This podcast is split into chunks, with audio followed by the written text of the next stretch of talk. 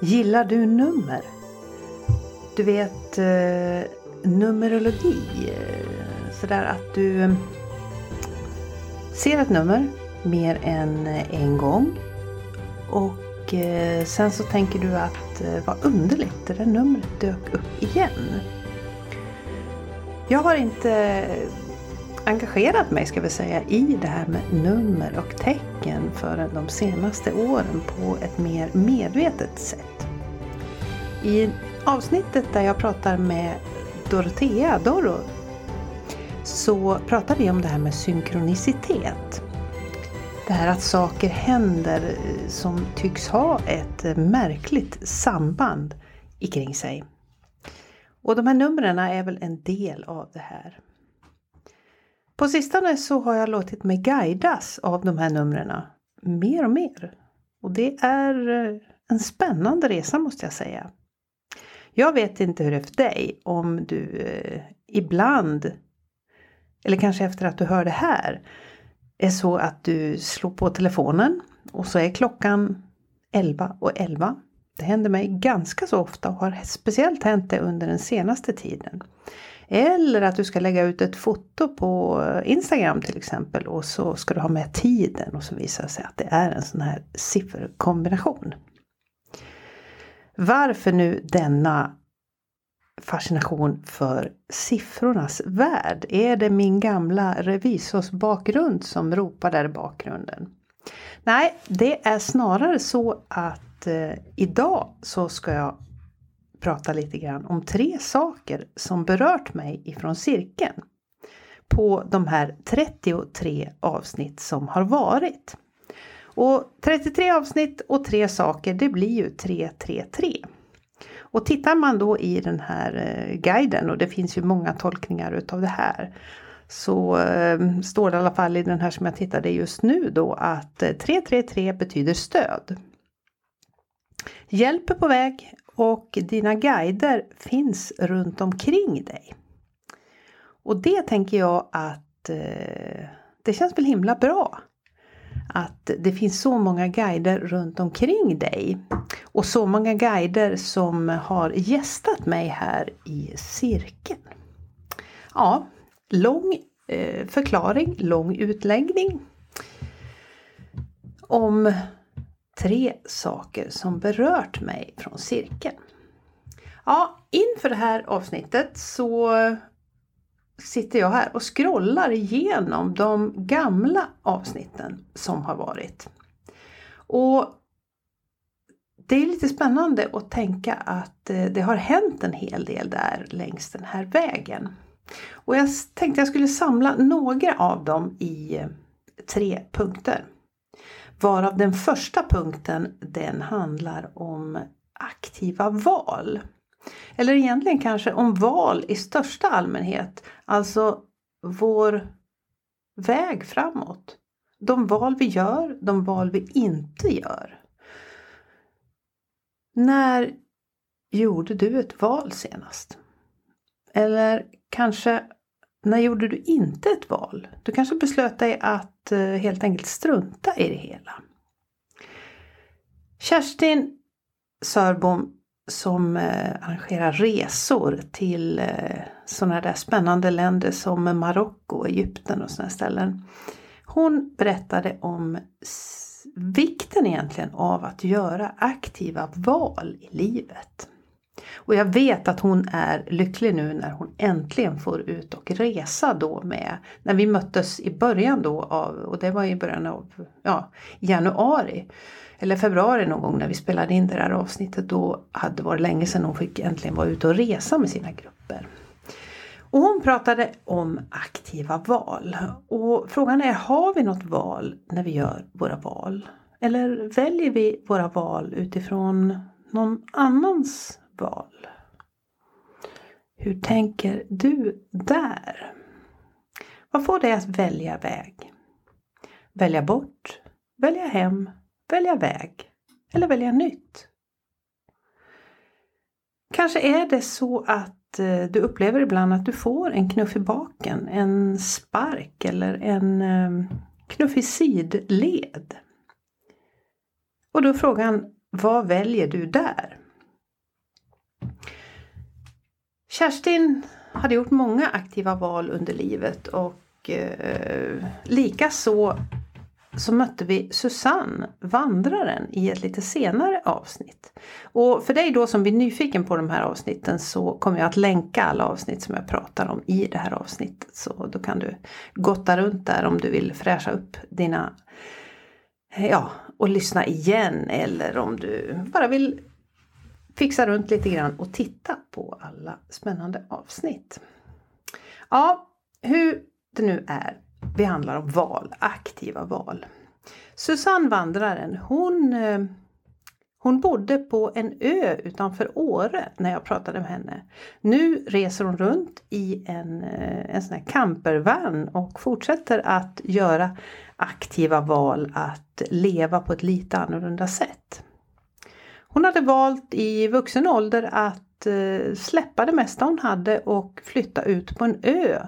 Och hon bodde där i tält under ett helt år. Så det var hennes aktiva val. Och vad som driver henne, det, om jag inte missminner mig så var det nog begreppet frihet. Att eh, ha möjligheten att göra det som eh, vi vill och det som, det som passar just där och då.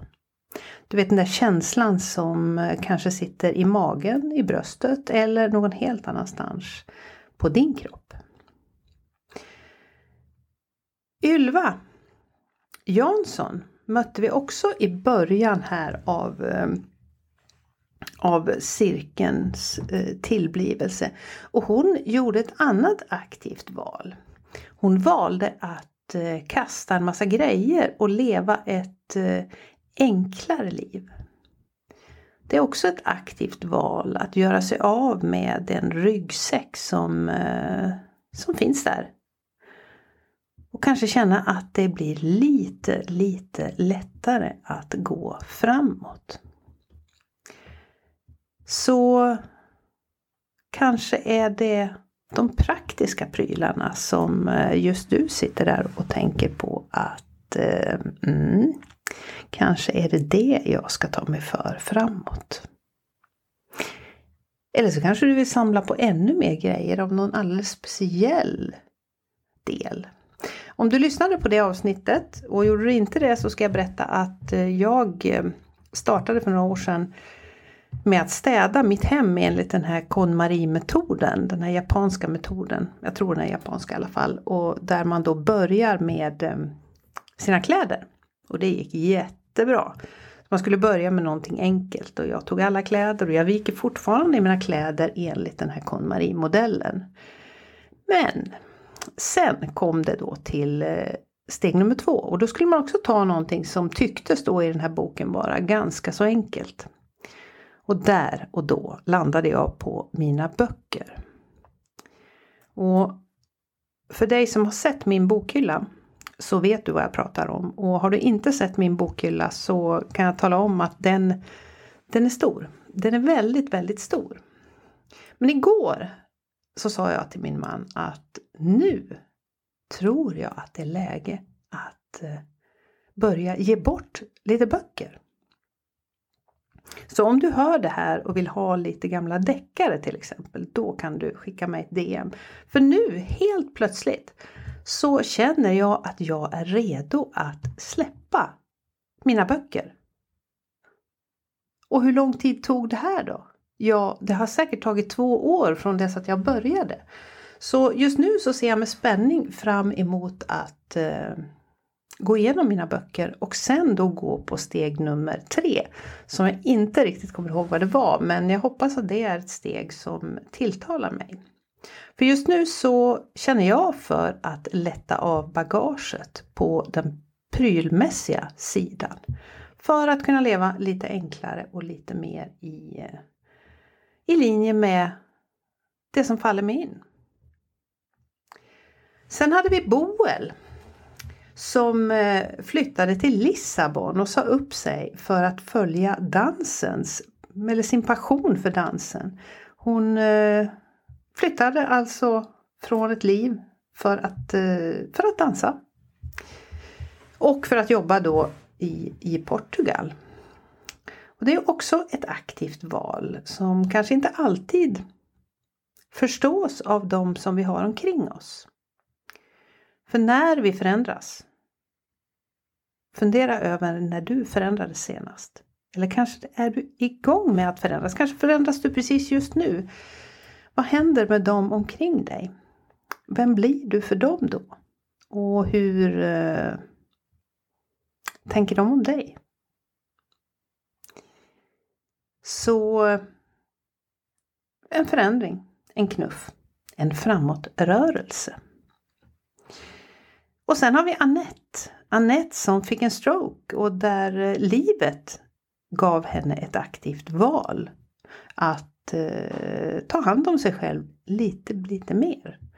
Och hon tog det valet och valde då att jobba med andra människors välmående och sin egen hälsa naturligtvis på vägen. Så aktiva val eller val överhuvudtaget det är en sak som har berört mig och fått mig att fundera över mina val. Och kanske fundera över om det behöver vara så himla besvärligt att välja. Det kanske är mycket, mycket, mycket enklare än vad vi tror. Så de aktiva valen, det var en sån där sak som har berört mig ur flera episoder. Nummer två på den här listan, för det är ju populärt med listor 1, 2, 3, 4, 5 tips till en bättre vardag. Nej, jag bara skojar. Eh, det här är ju tre saker som berört mig från cirkeln och eh, det är ju 33 avsnitt så vi kör på 333 just nu. Naturens kraft är nummer två. Och den har ju alltid fascinerat mig. De två avsnitten som jag främst tänkte på just i det här. Det ena då det är med eh, Karin Wells som eh, också fick någon slags sån där eh, ja, jag vet inte vad man ska kalla det. Hon fick någon slags order att åka på kurs till USA och utbilda sig till, till guide, eh, skogsbadsguide fast det hette någonting, någonting annat som jag inte riktigt kommer ihåg nu. Så hon eh, tar med sig folk ut i skogen och hon tar även med sig eller rättare sagt hon tar med sig figurer ifrån skogen hem. Och använder dem i de barnböcker som hon skriver om eh, naturen och eh, det liv som finns i naturen och den kraft, inneboende kraft som finns där. Och på samma spår så är eh, Anna Wild. Och Anna hon pratar mycket om de olika elementen och jag kan faktiskt rekommendera dig om du inte har hört Anna Wilds senaste alldeles nysläppta eh, CD. Den finns ju på Spotify också så gå in och kolla in den. Där beskriver hon och sjunger, det är både en, en sång och en diktbok där hon eh, hon förmedlar de här olika elementen. Det är skogen och det är, eh, ja, jag kommer inte exakt ihåg vilka, vilka de är just nu, här och nu där jag står. Men jag kan verkligen rekommendera dig. För där lyser igenom den här fascinationen för skogen, för naturen, för universum, för det här fantastiska som vi finns mitt i. Så naturens kraft.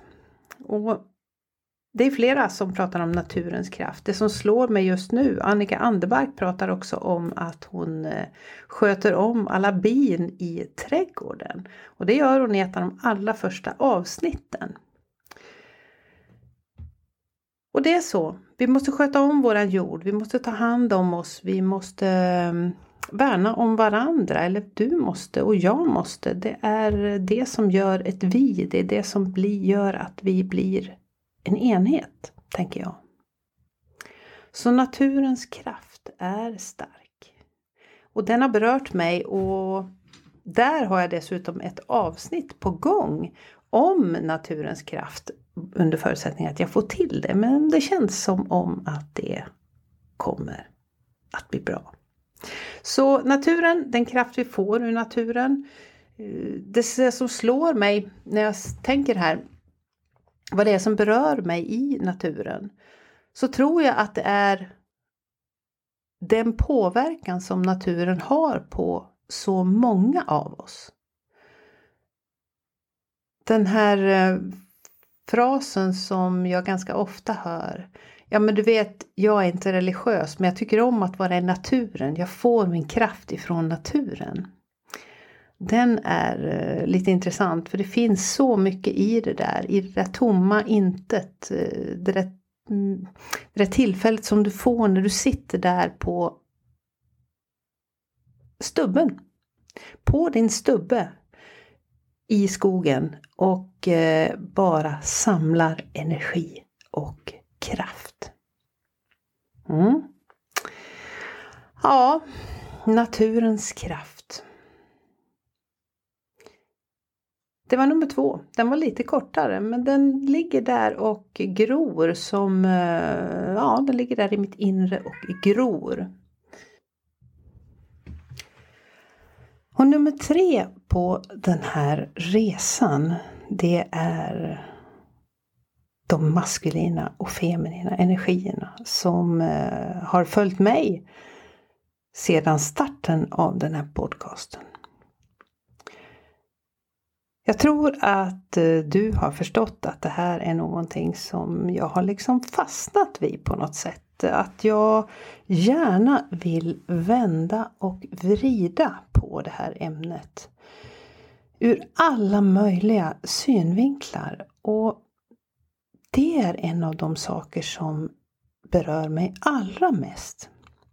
Att när jag pratar med mina gäster om det här, när jag skriver om det här och när jag funderar vidare på det här så växer det här ämnet. Det växer i alla möjliga riktningar. Du kan kalla det för maskulint, feminint, du kan kalla det för yin, du kan kalla det för yang. Du kan kalla det för ljust och mörkt eller bara två sidor av samma mynt. Oavsett eh, vad så tänker jag det handlar om en dualitet. Det handlar om två motpoler eller motpoler. Det jag tänker spontant på är det avsnitt som inte sändes för så länge sedan nu som eh, där Petra pratar om hennes sätt att jobba med de maskulina och feminina energierna. Hon jobbar ju med den den livskraften, den sexuella energin som eh, och hon betonade så väldigt mycket i det här avsnittet och har du inte lyssnat på det, jag tycker att det är ett fantastiskt bra avsnitt som, eh, om jag nu får säga det själv och det får jag ju eftersom det är bara jag som pratar just nu. Eh, men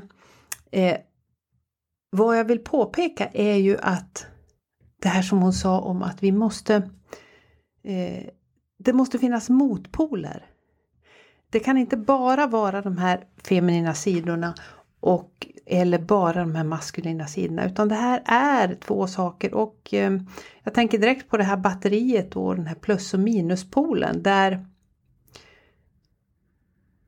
det som slår mig är att, eh, att snarare det här att förpacka in det. Eh, om jag säger så här pluspol och minuspol så kan man ju tycka då att minuspolen låter negativ. Eh, säger jag maskulint och feminint då kan det kanske tyckas, någon kanske kan tycka då att, att eh, det maskulina står för det starka, det, det, det, det är liksom det som vi värderar i vårt samhälle och det feminina skulle stå för det lite svagare då.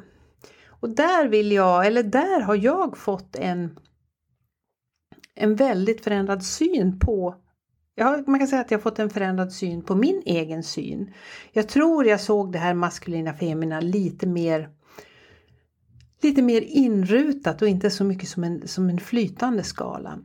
Men Petra pratar väldigt mycket om det här att eh, den här kvinnliga delen eh, den springer ur vår förmåga att bara vara.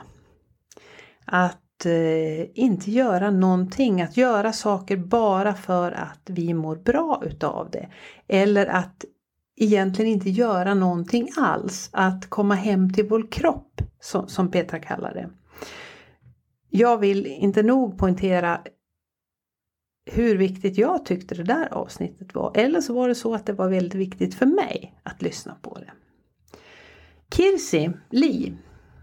Det är bara två veckor sedan tror jag som eh, jag hade henne som gäst här. Och hon pratar om att driva företag på ett lite mer feminint sätt. Att låta de feminina energierna styra. Och det behöver inte bara vara i företaget. Nu jobbar ju hon med entreprenören och hon pratade om att ha själen som sin VD. En mjukare sida, en mer inkännande sida, en sida som lyssnar till de här inre tongångarna, de här eh, mjuka kanalerna som eh, kanske inte skriker lika högt som den andra sidan.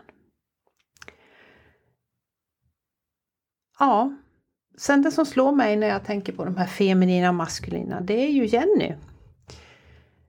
Vars liv också präglades av upp och ner. Och kanske egentligen lite mer av svart och vitt. Eh, där vi också två, har två ytterligare motpoler som, som vi kanske lägger en betydelse i. Att vitt skulle vara positivt och svart skulle vara lite mer negativt. Och det är också saker, det är ju det är begrepp som vi har satt en känsla på eller satt ett värde på. Men Jenny i alla fall, hon berättar ju om sin resa eh, när hon fick diagnosen bipolär. Och hennes liv var mycket upp och ner. Men det program då, eller den, den metod som hon har tagit fram då som kallas för Mejvårdsmetoden. Där handlar det då om att ta hand om sig själv och få en balans, få en aktiv balans mellan, mellan att vara och att göra. Att ta pauser, att eh, reflektera inåt, att, eh, att ta hand om sig själv helt enkelt.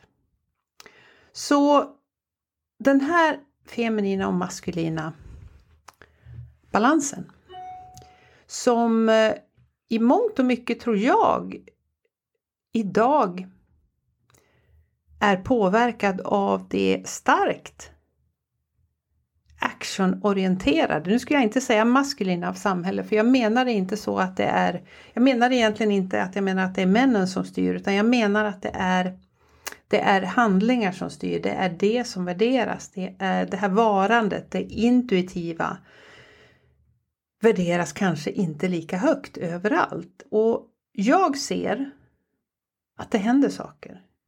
Jag ser att det bubblar, jag ser att det kokar någonstans i, eh, eller överallt egentligen, i de här, eh, de här leden. Vi längtar efter ett eh, mer, i alla fall gör jag det. Jag talar för mig själv.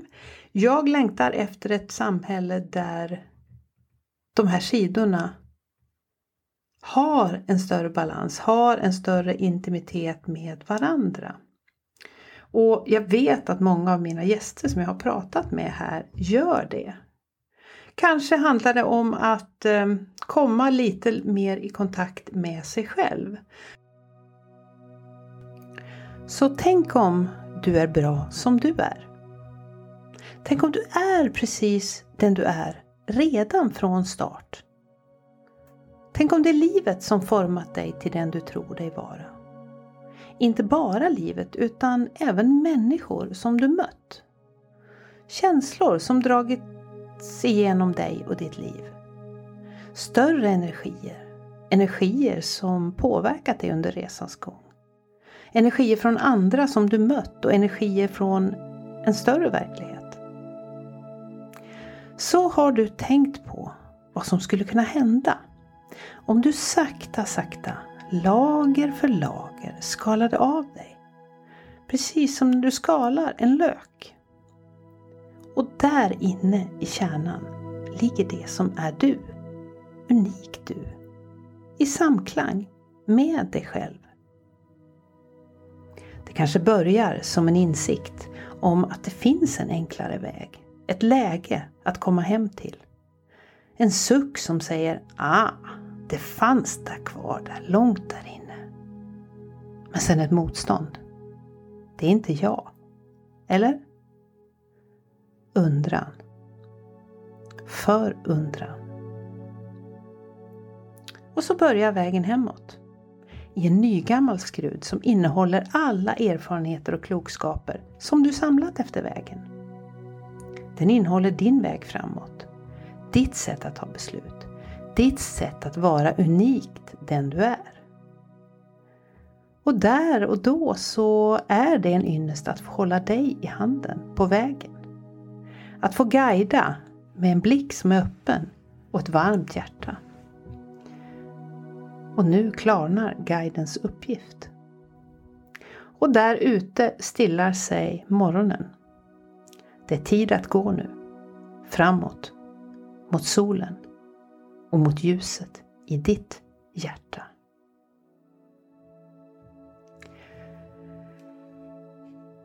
De orden får avsluta de här tre sakerna som berört mig ifrån cirkeln.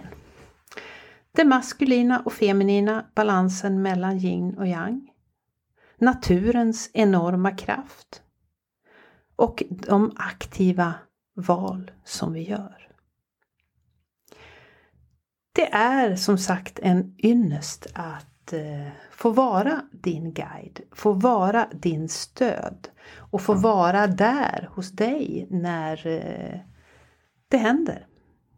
Och hur smått eller stort eller förunderligt det är på din väg, det spelar ingen roll. Det är ditt liv, det är din väg och det är dina steg.